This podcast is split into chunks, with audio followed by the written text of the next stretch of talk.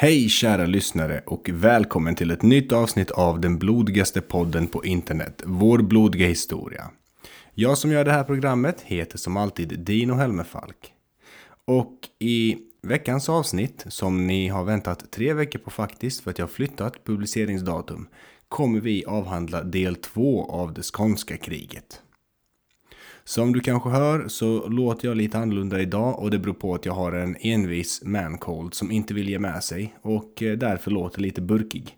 Alternativet var att jag inte spelade in det här avsnittet, vilket hade gjort att podden försenas med ungefär ja, ytterligare en vecka. I bästa fall. Så jag tycker att det var värt att spela in det trots att jag kanske inte låter som min prime. Men jag hoppas att du har överseende med detta. Det blir inga långa raljanta föredrag idag innan dagens avsnitt utan vi går rätt på. Varsågoda.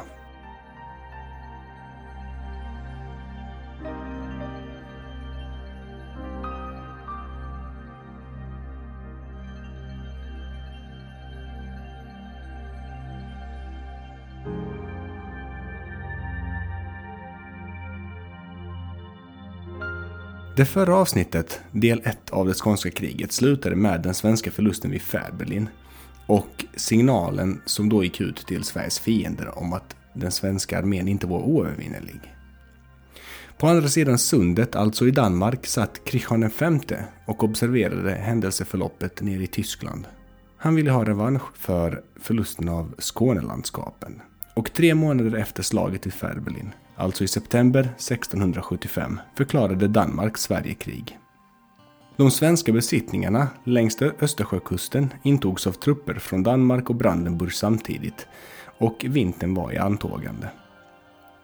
Sveriges flotta försökte något senare sätta sig emot men var dåligt förberedd och när den väl var redo att segla ut hade det kallnat rejält. Detta ledde till isbildning och att flottan helt enkelt fick eh, vända tillbaka.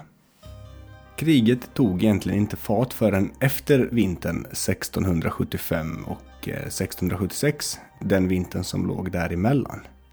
Krig stannade ofta av under vintrarna på 1600-talet, men så snart våren kommit återupptogs striderna.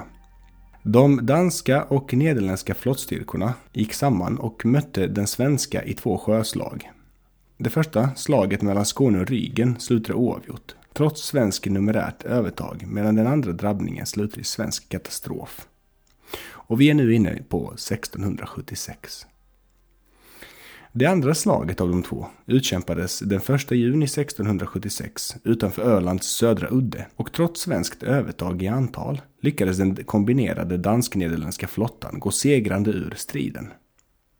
Inte nog med det, det nya och mäktiga regalskeppet Kronan kantrade och fattade eld. En stund senare sprängdes hon i luften när elden nådde krutförrådet. Av 650 besättningsmän överlevde endast 50. Den svenska flottan var nu besegrad och dansk-nederländska flottstyrkor åtnjöt herravälde över Östersjön. För kung Kristian V var tiden nu inne för nästa drag, invasionen av Skåne.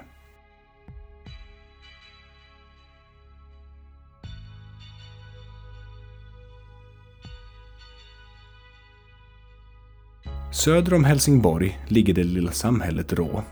Det är ett idylliskt litet fiskeläge som idag har strax över 3000 invånare och i princip är ihopbyggt med resten av Helsingborg.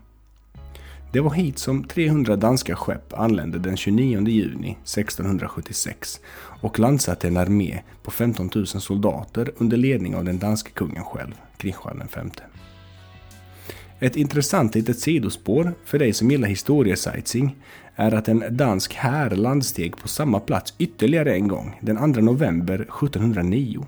Båda gångerna mötte danskarna inget motstånd, varför kung Karl XII, alltså som regerade vid eh, den andra landstigningen, beordrade att kustremsan skulle befästas med vallar. Rå vallar finns kvar än idag i anslutning till stranden som du har vägarna förbi. Ska du absolut passa på att besöka platsen. Det kommer inte vara så svårt att känna historiens vingslag nu när du känner till dess bakgrund och kan sitta där i solen och njuta av en glass och rå vallar. Men nog om det, tillbaka till 1676. Samtidigt som Kristian V landsteg utanför Helsingborg angreps Sverige från väster. En dansk-norsk här gick över den svenska gränsen och in i Bohuslän. Den danska hären i Skåne drog igenom landskapets västra sida och de svenska trupper som fanns i nordöstra delen av landskapet drog sig tillbaka till Småland. Där mönstrade Karl fler soldater och tågade tillbaka västerut då situationen blivit mycket allvarlig. När de svenska soldaterna var borta kunde danskarna nämligen härja fritt genom landskapet. De intog Landskrona den 3 augusti 1676 och Kristianstad den 15 augusti. I början av augusti skickade kung Kristian en styrka på cirka 3000 man under ledning av Jacob Duncan norrut mot Halland. Duncans uppdrag var att inta Halmstad och sedan fortsätta norrut för att ansluta sig och förstärka trupperna som invaderade från Norge som intagit Vänersborg, Uddevalla och som nu hotade Göteborg. Karl XIs första drag var att möta Duncan vid det som skulle bli känt som slaget vid Halmstad. Danskarna försökte undkomma, men Karl lyckades genskjuta Duncans trupper. Vid Fylleån på morgonen den 17 augusti mötte den svenska styrkan på cirka 6 000 man sina fiender som uppgick till ungefär 4 000. Båda ställde upp i en för tiden vanlig slagordning. Kavalleri på flankerna och infanteriet i mitten mellan luckorna i leden ställde man upp kanoner. Efter enbart en timme var slaget över och på fältet låg ungefär 200 svenskar kvar. På den danska sidan miste cirka 1500 man livet och nästan alla som överlevde blev tillfångatagna. Det vill säga, i princip hela den danska styrkan under Jacob Duncan blev därmed besegrad.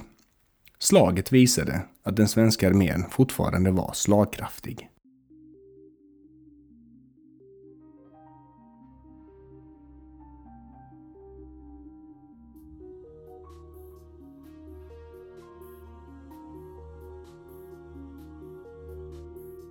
Karl XI begav sig söderut in i Skåne och året började gå mot sitt slut. Den danska arméledningen blev efter slaget vid Fyllån betydligt mer försiktig och det var nu dags för att börja fundera på vinterkvarter. Kristian V kontrollerade vid 1676 års slut nästan hela Skåne förutom Malmö som lyckades hålla ut tack vare stadens invånare ställde upp till dess försvar. När den svenska armén anlänt till Skåne höll man sig relativt nära den danska, men man undvek öppen konfrontation. Istället följde Karl XI danskarnas rörelse från ett säkert avstånd. Här kan man fråga sig varför ägde ingen strid rum? Och det exakta svaret kan vi ju spekulera kring hur mycket vi vill. Jag ska försöka lägga fram min egna teori, men innan jag gör det vill jag understryka en central del i historieforskning. Vetenskaplig historieskrivning är en disciplin som syftar till att fylla igen kunskapsluckor om vårt förflutna genom insamling, bearbetning, granskning och analys av ett historiskt källmaterial. Alltså framförallt skriftliga källor. Ju närmare en händelse en källa skapas, desto mer är den värd. En dagboksanteckning från en deltagare dagen efter ett slag är således en mer värdefull källa än en vittnesskildring 20 år efter samma händelse. Likaså väger dess upphovsman olika mycket. Är upphovsmannen trovärdig utifrån sin roll i händelsen i fråga? Ofta hamnar man i ett läge där det helt enkelt inte finns några källor kring det som studeras. Vilket lämnar historikern i ett läge där man helt enkelt får göra en rimlig gissning utifrån övriga kända omständigheter. Varför är detta viktigt i detta sammanhanget kan man undra. Jo, för när vi beskriver det skånska kriget befinner vi oss i läge där mängder av människor är inblandade och som alla upplever varje given situation på sitt sätt och långt ifrån alla antecknar sina erfarenheter, tankar och funderingar. Ska man se på händelserna under det skånska kriget och vara strikt med källgranskningen så inser vi snabbt att en del av det vi vet är just rimliga antaganden som historiker gjort i efterhand. Nu kommer vi av huvudspåret, men jag kan nog inte understryka vikten av att förstå de här vetenskapliga principerna när man studerar historia och därmed släppa den gamla och uttjatade floskeln “segraren skriver historia”. Jag får gåshud varje gång jag hör någon säga det. Jag vet inte varifrån citatet kommer, men sanningen är att segrarens historieskrivning brukar bli ganska enkel att ifrågasätta om man har en strikt hållning till källkritik och värdering av skriftliga källor. Men åter till Skåne. Varför anfaller inte den svenska hären då helt enkelt den danska huvudarmén. Vid det här laget är de ungefär lika stora och båda leds av kompetenta generaler vars biografier vi inte behöver avhandla här. För att svara på frågan är min rimliga gissning att ett öppet fältslag mellan de båda styrkorna innebar helt enkelt höga risker för Karl XI. Kanske betydligt högre än för Kristian V. Armén som stred vid Fäbelin hade i princip förintats och på sjön dominerade danska och nederländska stridskrafter. Förlorar Karl XI ett fältslag så är risken mycket stor att han förlorar armén. Studerar man fältslag från antiken hela vägen till slutet av den tidigmoderna tiden så kan man se ett återkommande mönster. Den största mängden soldater dör när panik och flykt utbryter. Eller för att vara exakt, den största mängden soldater dör av fältsjukdomar, hunger, förfrysning och sådana här saker som inte alls eh, är kopplat till strid. Men om vi bara ska se strikt till strid så dör ju de flesta soldater alltså när panik och flykt utbryter.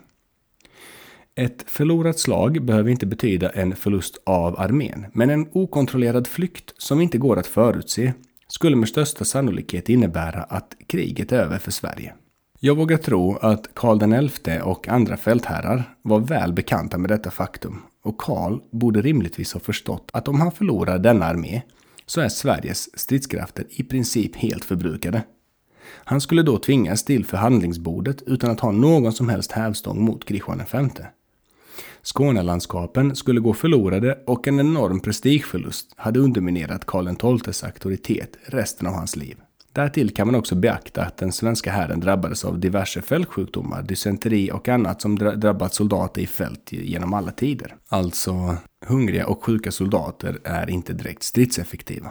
Men innan 1676 övergår till 1677 äger dock krigets kanske mest kända drabbning rum.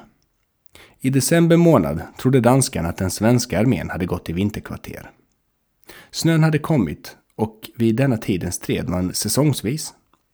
De båda arméerna befann sig på varsin sida av Kävlingeån och alla övergångar kontrollerades av danska styrkor. Den 3 november gick generalkvartermästaren Erik Dahlberg ut på Kävlingeåns is och gjorde bedömningen att isen skulle hålla om armén tågade över. Du kanske har hört hans namn innan. Erik Dahlberg låg bakom det framgångsrika tåget över Bält då svenskarna gick över sundets is och vann en avgörande seger mot danskarna vilket resulterade i freden i Roskilde. Man beslöt sig alltså från svensk sida att göra om en övergång över fruset vatten. För svenskarna var detta ett drag som kanske kan förknippas med desperation.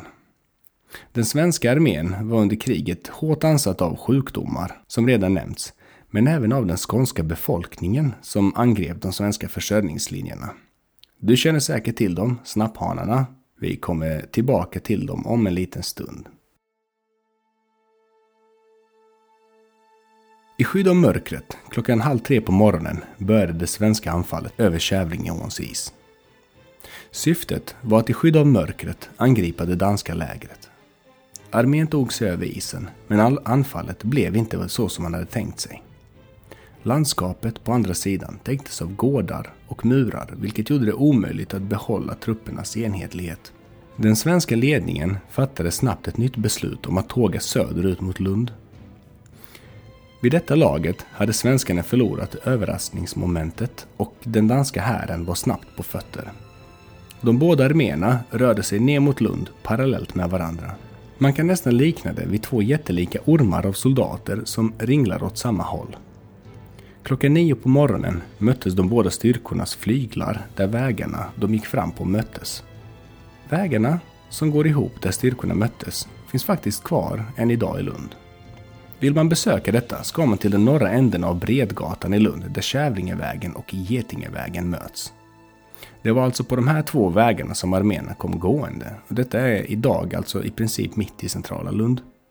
Striden blev våldsam när fler och fler enheter anlände från de båda vägarna. Genom ödets nyck fick svenskarna övertaget trots sitt numerära underläge och gick segrande ur slaget. På eftermiddagen beordrades eld upphör. Man hade alltså stridit i princip från ljusets intrång till att det mörknade. Totalt mötte cirka 8000 svenska soldater 13 000 danska. Slaget vid Lund är unikt på grund av de höga förlustsiffrorna. Nästan hälften av alla inblandade dog. Slaget vid Lund är därför ett av de mest blodiga i slagen i världshistorien sett till eh, dödssiffrorna i relation till antalet deltagare. De danska styrkorna drog sig tillbaka och retirerade mot Lund. Men det ska tilläggas att den danska hären var inte slagen. Den hade bara dragit sig tillbaka och när dagen var slut så stod svenskarna kvar på fältet och därmed kunde utropa seger.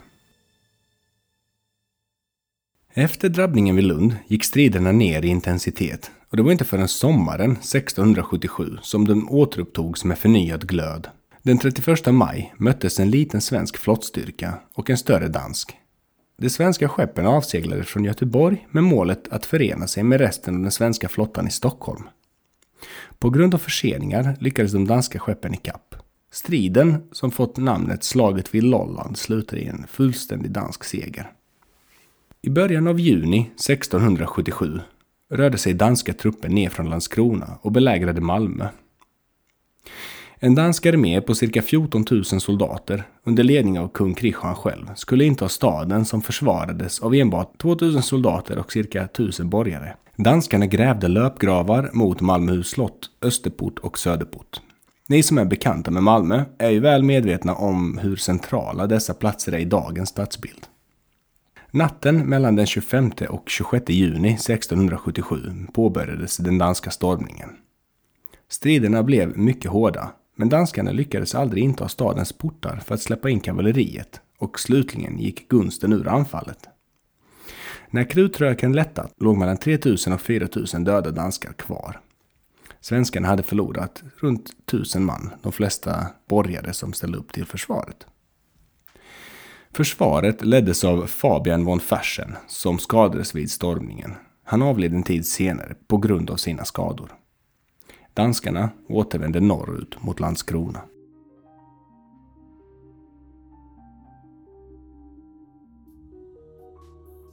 Cirka tre veckor senare låg den danska huvudarmén på nästan 12 000 man öster om Landskrona vid Rönneberga backar.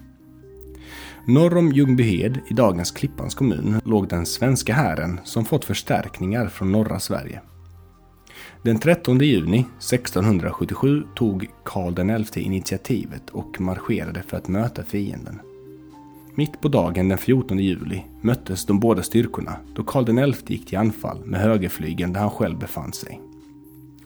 Den danska vänsterflygeln som han mötte besegrades och när den flydde drog den med sig stora delar av slagordningens center. Minns du när jag nämnde att flykt kunde vara förödande för en armé? Här är ett bra exempel på detta fenomen.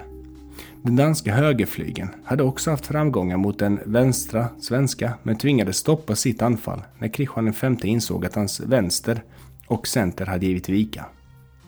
Återigen retirerade danskarna till Landskrona och lämnade efter sig ungefär 2 500 döda medan Karl XI förlorade mellan 600 och 700 man.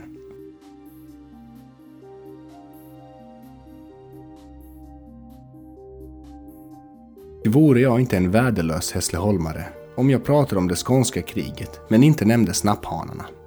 Hade jag ens kunnat visa mig på Hemmakväll Maxi eller på torget utanför Statt? Varför ta risken? Klart jag ska prata om snapphanarna men om du inte visste det så har jag faktiskt redan gjort ett helt avsnitt om dem i nummer fyra av detta program. Så vill du ha en mer detaljerat avsnitt om snapphaneriet i norra Skåne så ska du lyssna på avsnitt nummer fyra av Vår blodiga historia. Snapphanar är ett knepigt begrepp har jag märkt. Inte helt fritt från kontrovers. Detta var något jag fick bevittna från första parkett efter att jag spelat in det fjärde avsnittet.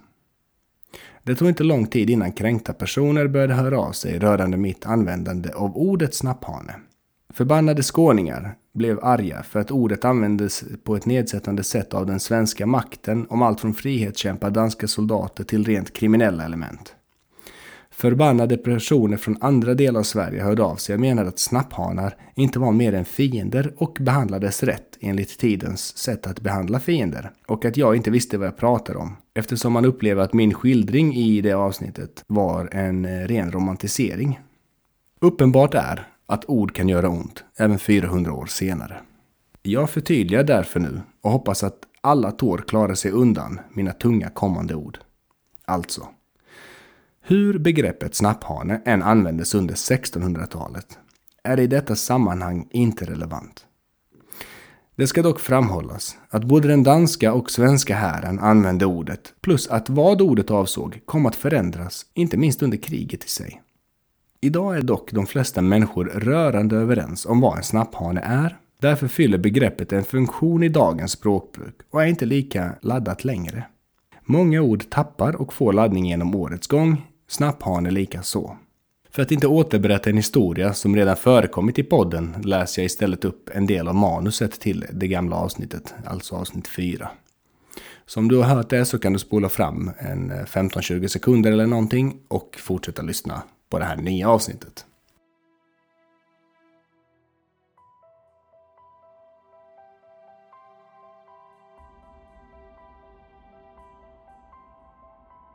När det skånska kriget dragit igång drabbades befolkningen i Skåne hårt. Krigsskatter togs ut av redan utblottade bönder och militära förband passerade landskapet, vilket innebar ökad påfrestning på matförråd och befolkningens tålamod. Snart började uppror blossa upp. Bönderna tog till vapen och började bekämpa det svenska styret. I krigets tidiga faser skedde motståndet i huvudsak utan kontakt med den danska militärledningen. Men skåningarna började så småningom organisera sig i något som mer liknande reguljära militära förband med stöd från Danmark.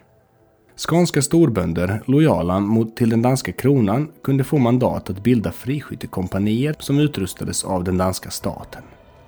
Deras uppgift blev i huvudsak att angripa de svenska försörjningslinjerna och genomföra isolerade attacker mot strategiska mål. Det är under det skånska kriget som snapphanarna framförallt gör sitt avtryck. I synnerhet under den berömda Loshultskuppen där man lyckades stjäla stora delar av den svenska krigskassan. En pikant detalj som ibland förbises är att när de svenska soldaterna försökte skydda resterande del av kassan genom att föra tillbaka den över gränsen in i Småland plundrades den igen, men denna gången av smålänningarna. Senaste gången man hittade en del, en gömd del av den här kassan var ju på 90-talet och då i Älmhult, alltså i Småland. Och märkligt nog så blir oftast eh, skånska snapphanar utpekade för den här kuppen. Men eh, smålänningarna var också lika goda kålsupare. Bönderna i Göinge, alltså nord-typ eh, nordöstra Skåne, utgjorde den huvudsakliga rekryteringsbasen för snapphanar. Och de här bönderna drabbades hårt av svenska krigsmaktens vedergällningar. Vittnesskildringar berättar om hur fångade snapphanar får armar och ben krossade innan de hängs eller halshuggs. Hans Severin, en friskyttekapten som dömts till döden av svenskarna, avrättades genom så kallad yttre pålning.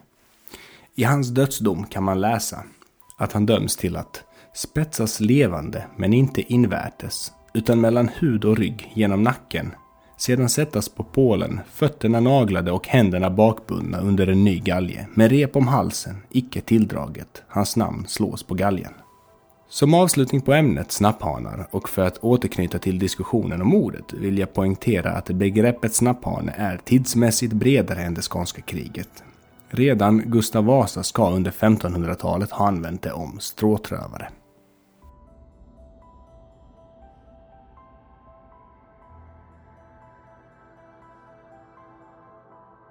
Trots de svenska framgångarna efter slaget vid Lund och framåt slutade kriget faktiskt ganska abrupt.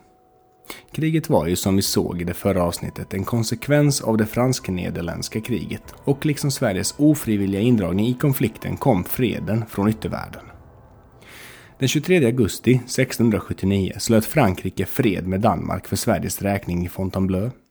En fred som bekräftade den västfaliska freden, Roskildefreden samt Köpenhamnsfreden. En månad senare undertecknade Sverige och Danmark fredsfördraget i Lund. För att enkelt förklara denna serie freder kan man säga att varje fredsavtal bekräftade föregående efter varje krig bakåt sedan det 30-åriga kriget i vilken Sverige haft en fördelaktig fred. Sverige fick som resultat av freden i Fontainebleau avträda mindre och i princip obetydliga områden i norra Tyskland Kriget slutade således i princip oavgjort eftersom Danmark inte lyckades uppnå sitt krigsmål med att återta Skånelandskapen. Sverige hade lidit av stora mantapp under kriget till följd av desertering. Soldaterna som skrev ut till armén var bönder, drängar och annan arbetskraft som behövdes på fälten. Efter kriget insåg man från den svenska ledningen att en modernisering av armén var på plats. Detta resulterade i att man inrättade Indelningsverket. Indelningsverket fungerade så att varje socken delades in i ett antal rotar. En rote bestod i sin tur av ett antal gårdar som ålades att avlöna en soldatgård. Varje soldat i armén fick en sådan gård som skulle försörja denne och hans familj. Soldaten förpliktigades i att delta i militära övningar och att ställa upp vid händelse av krig. Genom denna organisering skulle inte längre ofrivilliga bönder skrivas ut och då soldaten nu blev professionell innebar det också en bättre utbildad armé. Denna reform samt reduktionen där kronan i princip drog in jordegendomar till staten och på så sätt fick in mer kapital för att rusta upp armén på nytt la grunden till det karolinska enväldet. Under den karolinska eran skulle de professionella soldaterna under Karl XII komma att skriva in sig i militärhistorien. Men det är ett ämne för ett framtida poddavsnitt. Tack så mycket för att du har lyssnat.